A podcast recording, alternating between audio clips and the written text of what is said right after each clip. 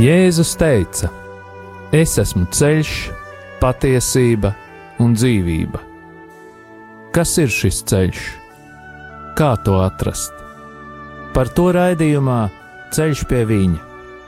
Raidījumu vada Normons Grasmanis.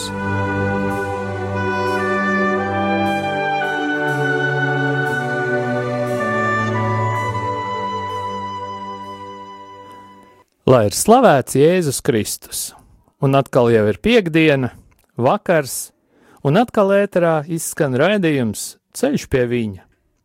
Vēlos atgādināt, ka raidījuma e-pasta adrese ir ceļš pie viņa at gmail.com. Esmu pateicīgs visiem tiem cilvēkiem, kur atceras mani un pārējos rādījumu arī klausītājus, brīvprātīgos, darbiniekus un arī ziedotājus savās lūkšanās. Vēlos pateikties katram klausītājam, kurš ar savām lūkšanām vai finansiālo ziedojumu atbalsta radio Marijas skanējumu ēterā, lai Dievs jūs bagātīgi svētī. Pagājušo raidījumu noslēdzām vispārīgi aplūkojot tai chi un nedaudz pieskaroties šīs cīņas mākslas rašanās vēsturei.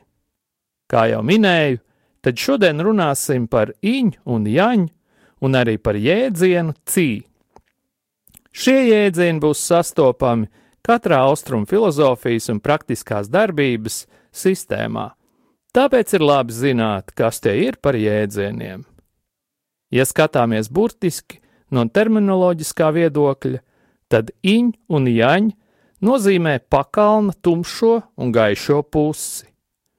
Tas skaidri parāda ķīniešu izpratni par dabas principiem, un šie termini viens otru papildina. Šie uzskati ir pretēji rietumu izpratnē, kur lietu polaritāte tiek uztverta kā to raksturojoša. Piemēram, tumšs, gaišs, vīrišķais, sievišķais, augsts, silts, labs, slikts, fenomenālā pasaule, bipolaritāte ķīniešu filozofijā tiek uztverta kā noteicošais princips. Dabas daudzveidība izveido pretmetus, kas viens otru neizslēdz, bet gan papildina un izraisa. Šis filozofiskās domāšanas veids par iespējumu padara fenomenu, ka radīšana ir iespējama bez radītāja, tātad dieva. Tas ir pamats, uz kā balstās ķīniešu filozofijas monisms, pasaules skatījums, kur visas dabas parādību formas ir ar vienu un to pašu esmi. Šis skatījums ir pamats idejai, ka cilvēks, kas tiek definēts kā mikrokosmos, ir veidojies no visuma, kas tiek definēts kā makrokosmos. Kustībā iņ un rad, iņ un jaņ rada spēku, kas ir dzīvības spēks. Pareizais līdzsvars starp iņu un jaņu atspoguļojas cilvēka veselībā un laimē. Šī ideja ir visas ķīniešu medicīnas un reliģijas pamatā, kas ietver sevī arī dažus, dažādas meditācijas formas, izrietošas no šiem uzskatiem. Cīņas sporta pamatā vienmēr ir meditācija, tāpēc tai čī sauc arī par aktīvo meditāciju. Ļoti interesanti informācija var lasīt 90. gada kristīgajā laikrakstā Aeropagus lieldienu izdevumā. Tur Migī autore savā rakstā Tai Čī Čuaņ, kontemplatīvais ceļš, apraksta savu šīs tradīcijas bagāto pieredzi. Pati viņa ir sportiste un pasniedz tai čī čuaņu. Viņa ir daudz ceļojusi, galvenokārt apmeklējot austrumu valstis, lai mācītos pie dažādiem skolotājiem, tai čī. Tāpēc viņa piedalījās tikšanās reizē ar tai čī meistaru Zhang Zhou, kas atrodas Ķīnas Tautas Demokrātiskajā republikā. Migijā Torre raksta, ka ir pieņēmums, ka Čans San Fengs esot iemācījies tai čī čuaņ sapņa laikā. Jāatzīmē, ka tam līdzīgas tehnikas iemācīties sapnī, tas ir, tas savukārt ir attiecināms uz, uz šamaniskām tradīcijām. Tālāk viņa raksta, ka tai čī ir cēlies no daoismu tradīcijām, kur elpas regulēšanas vingrinājumi tika praktizēti ar terapeitiskiem no, nolūkiem. Senā alķīmijas tradīcija, tradīcijā šī praksa tika izmantota, lai iegūtu nemirstību. Migijau Torre atzīstas, ka pirms viņa tikās ar Taičī lielo meistaru, viņa neapzinājās, ka Taičī ir ne tikai fiziski vingrinājumi miesai, bet arī kaut kas vairāk. Tie ietver sevī pārdomu un meditācijas formu, kura tiecas pēc gara un miesas vienotības. Daudz reliģiski raksti no dažādām tradīcijām norāda uz to, ka, lai varētu savienoties ar Dievu, iekšējam es, ir jāsavienojas ar ārējo pastā, pasauli. Pastāv daudzas iespējas, kā sasniegt šo vienotību.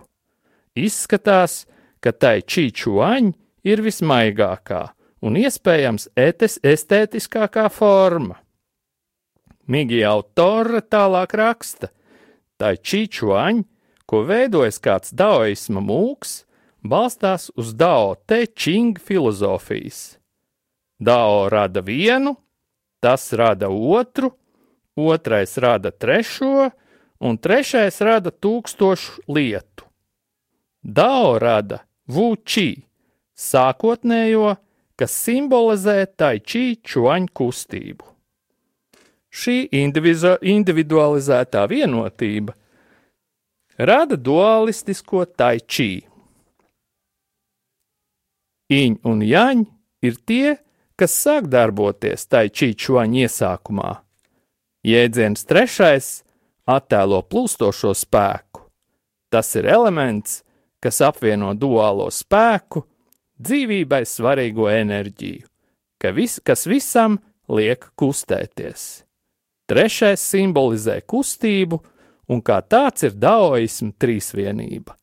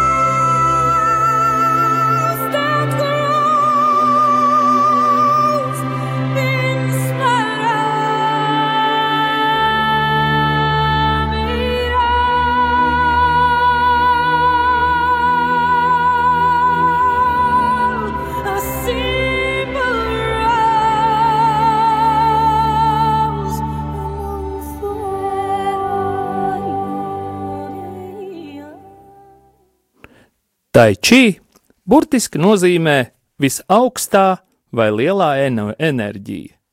Čuaņ nozīmē kosmosu jeb visumu.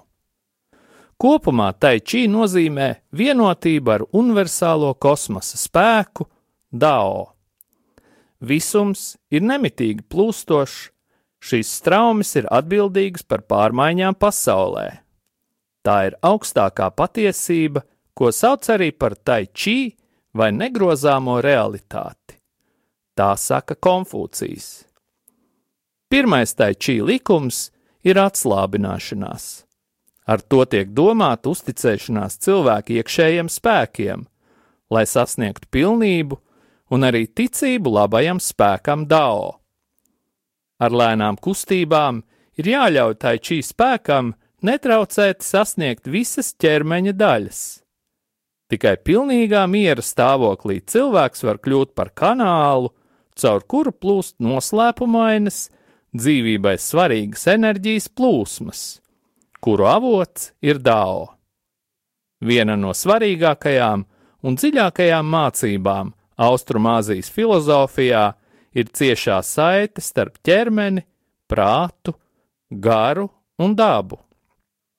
Līdzīgi kā dzenbudisma un zādzenbudisma meditācija, sēdēšana Budas pozīcijā nozīmē būt budai. Tā tai čī čuāņa Lēnās kustības nozīmē garīgu savienošanos ar plūstošo taičī spēku. Ilgstošā kustība forma plūsma nepieļauj nekādas novirzes. Šo vingrinājumu veicējs atrodas nepārtrauktā kustībā, kurā iņ pāriet jaņ, radot desmitiem tūkstošu dzīvību būtņu. Tas nozīmē, ka cilvēks sajūt vienotību ar visu radību. Dao ir līdzsvars un harmonija starp pretējiem spēkiem. Dao noslēpums slēpjas spējā ievest līdzsvarā pretējus spēkus neparasti augstā apziņas līmenī, kas notiek kosmiskās apziņas līmenī. Tā pārstāv kosmisko apziņu.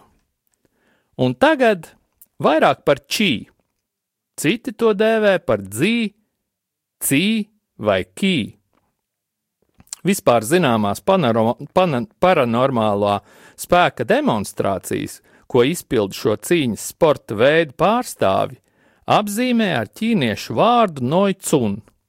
Šī spēka avots it kā esot kosmiskais, ēteriskā, ēteriskais spēks, jeb universālā enerģija čī. Vārds čī burtiski nozīmē elpošana vai atmosfēras gaiss.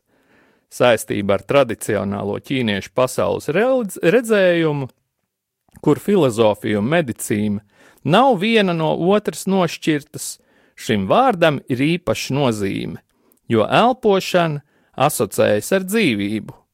Dzīvība savukārt saistās ar asinīm, un labas asinis var pielīdzināt labai veselībai. Tradicionāli domājoši ķīnieši slimības skaidro ar čī iztrūkumu. Šajā sakarā gribētos pieminēt vēl vienu Migi autoras citātu. Runājot par čī, mēs vienmēr to saprotam kā transcendents izslēdzošu enerģiju, spēku, kas tajā pašā laikā dāvā dzīvību un visu caurstrāvo. Čī esot kosmosa dzinējspēks, bez kura nevar iztikt atslābināšanās un elpošanas apvienošana, kas, ir, kas e, notiek tai čī vingrinājuma laikā, tā esot atslēga uz čī paaugstināšanos cilvēkā. Bez šīs atslābināšanās un čī spēka paaugstināšanas šie vingrinājumi būtu attiecināmi tikai uz fizisko ķermeni, tai nebūtu saistības ar augstāko realitāti. To, kurš pastāvīgi trenējas, čī attīstīšana var aizvest uz augstāku eksistences formu. Zināšanu iegūšana, to apvienojot ar tai čī vingrinājumiem, rada enerģiju. Visbeidzot, šī enerģētiskā procesa izpratne iznākumā novedot pie garīgās apskaidrošanās. Šīs galējās patiesības redzējumu iespējams pieredzēt pēc garas un neatlaidīgas trenēšanās. Kaut gan daži sensei vai skolotāji var nodemonstrēt spēcīgu čī darbību, lielākā daļa cilvēku interesējas par cīņas sportu tikai kā par iespēju pašaizsargāties bez ieročiem. Cilvēki nesagaida no tā nekādas garīgas atklāsmes un uzte, uztver cīņas sportu kā brīva laika pavadīšanas veidu. Neskatoties uz to, tai šī garīgā ietekme ir pamanām pie tiem cilvēkiem, kas ar to nodarbojas. Notiek izmaiņas iekšējā nostājā, instinktīvajā motivācijā, kas tiek pārorientēta uz nekristīgu domāšanu. Atu attieksme kļūst spontānas savas pozīcijas aizstāvēšanas ar gatavību uzbrukt. Abas šīs cilvēciskās īpašības būtu jāpārvar, jāpārvar Kristus spēkā, ar uzticēšanos Dievam un tuvāk mīlestību. Es kristiešiem neieteiktu ar tai čī nodarboties. Nākošajā reizē jau runāsim par kung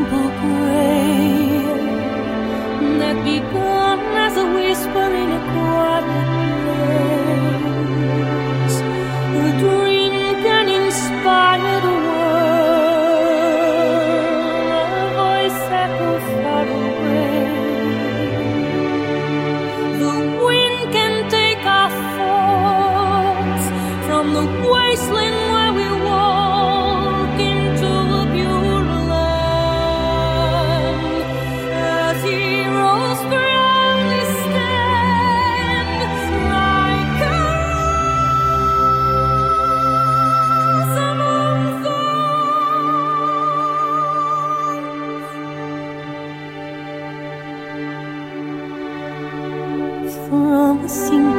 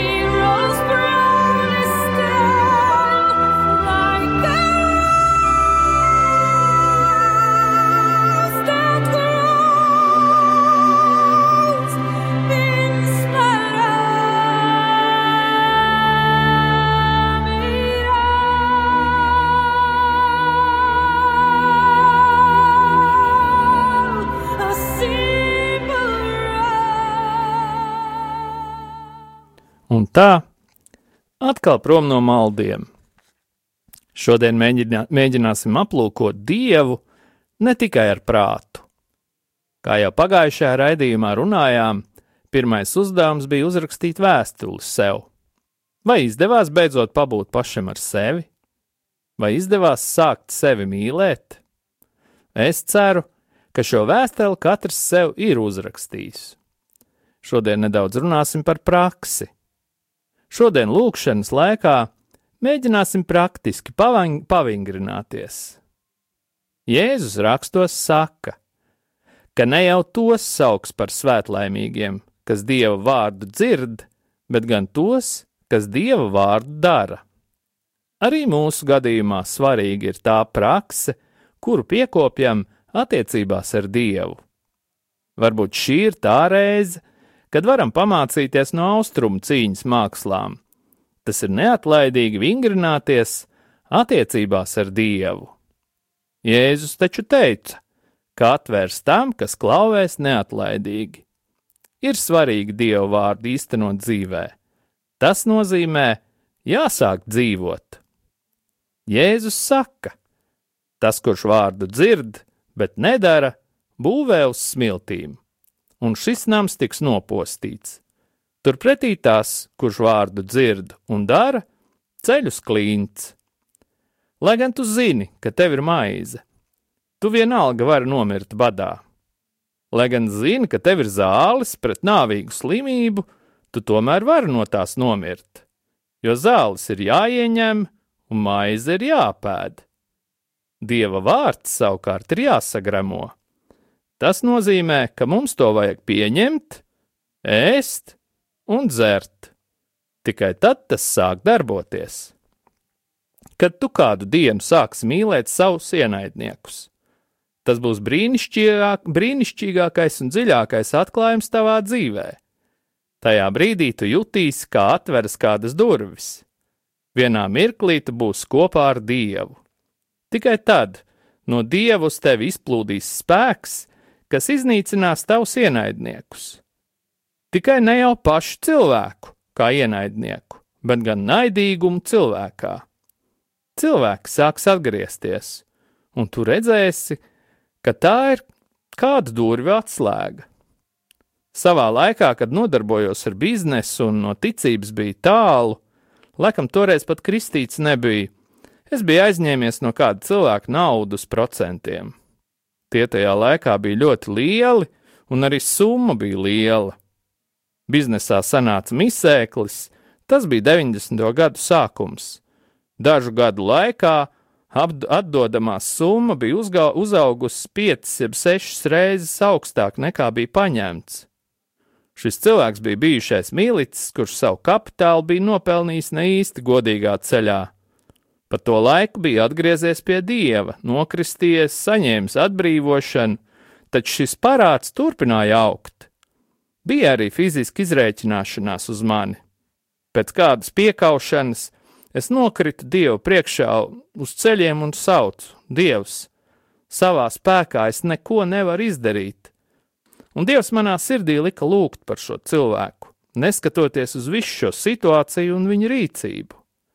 Tas nebija viegls laiks, taču pagāja kaut kāds laiks, līdz saņēmu ziņu no šī cilvēka, ka viņš ir nožēlojis savus grēkus, viņš lūdz man atdošanu par šo fizisko izrēķināšanos, un man tika atlaists parāds līdz pēdējai kapēkam, kapēkai.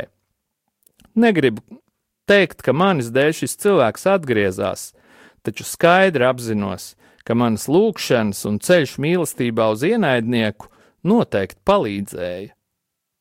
Cilvēki mēdz teikt, piedot, nē, to es nespēju.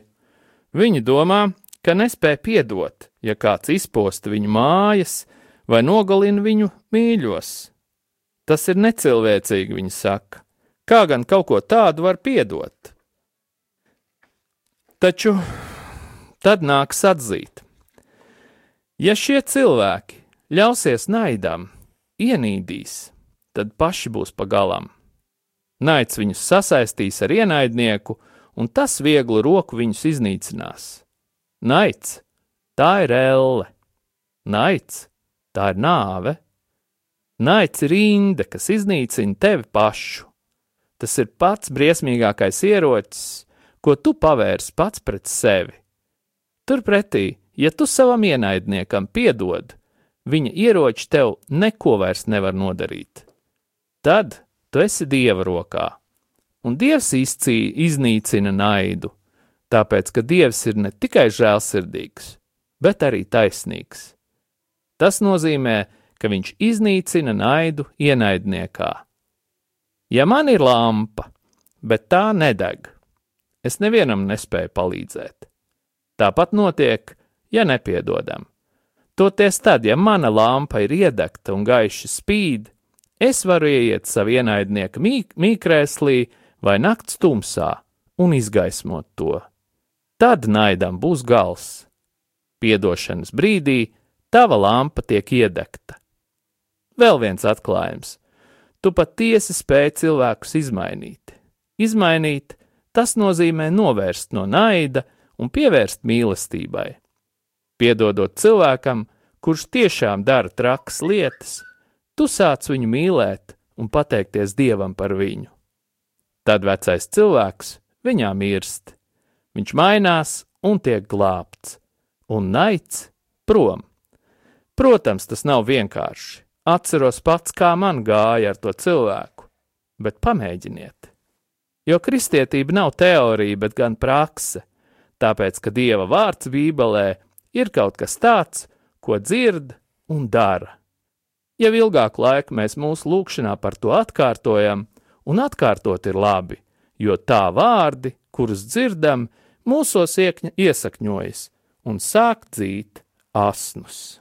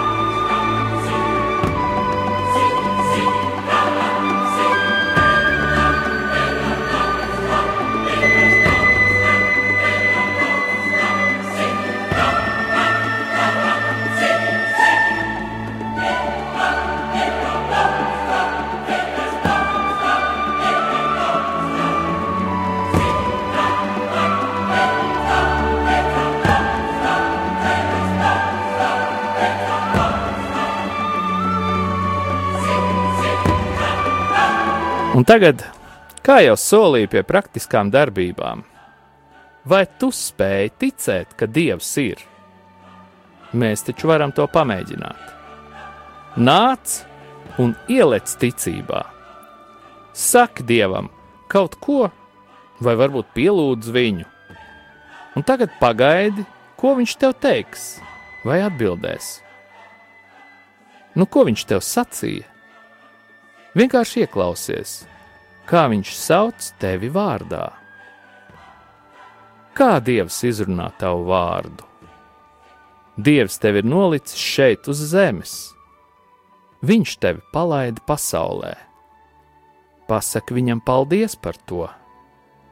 Paldies tev, Dievs, par mani un par katru klausītāju. Es piederu Dievam Man nav jādara tas, ko citi no manis gaida un pieprasa. Svarīgs ir tikai tas, ko Dievs grib, kas ir manī, manā dabā, manā brīvībā. Tu, Dievs, mani radīji, paldies tev!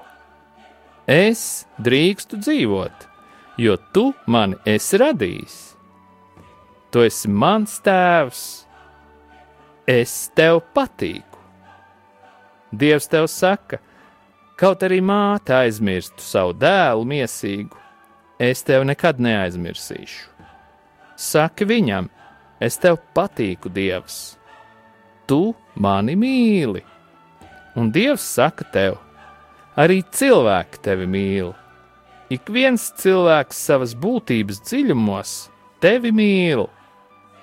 Katrā cilvēkā ir dieva dzīvība, dieva klātbūtne, Dieva gars. Šis gars ir nemirstīgs, un viņš tevi mīl. Katrā cilvēkā ir labestības un mīlestības dzirksts. Ik viens cilvēks savas būtības dziļumos tevi mīl, jo sevišķi tie cilvēki, kuru uzskata tevi par nesimpātisku, kur ir pret tevi. Vienkārši saki savai dvēselē, savas būtības dziļumos, Šis cilvēks mani mīl, patiesi mīl.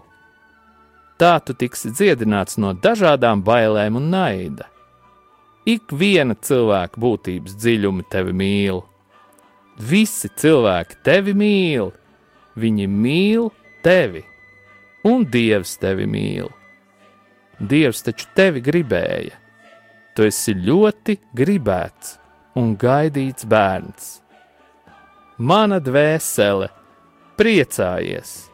Dievs tevi gribēja, Dievs mani gribēja, es drīkstu dzīvot. Un tagad saņemiet pāvesta Franciska svētību. Kungs Jēzus Kristus, lai ir pār mums, lai mūs svētītu, lai ir pie mums, lai mūs pavadītu, un lai ir ar jums un mums, lai mūs aizsargātu, lai mūs svētī Dievs Tēvs un Dēls un Svētais Gars, lai asins un ūdens, kas izplūda no Jēzus Kristus sirds, izplūst pār mums, un lai šķīstī, atbrīvo un dziedina. Saņemiet svēto garu, Dieva tēva dēla un svētā gara vārdā Āmen!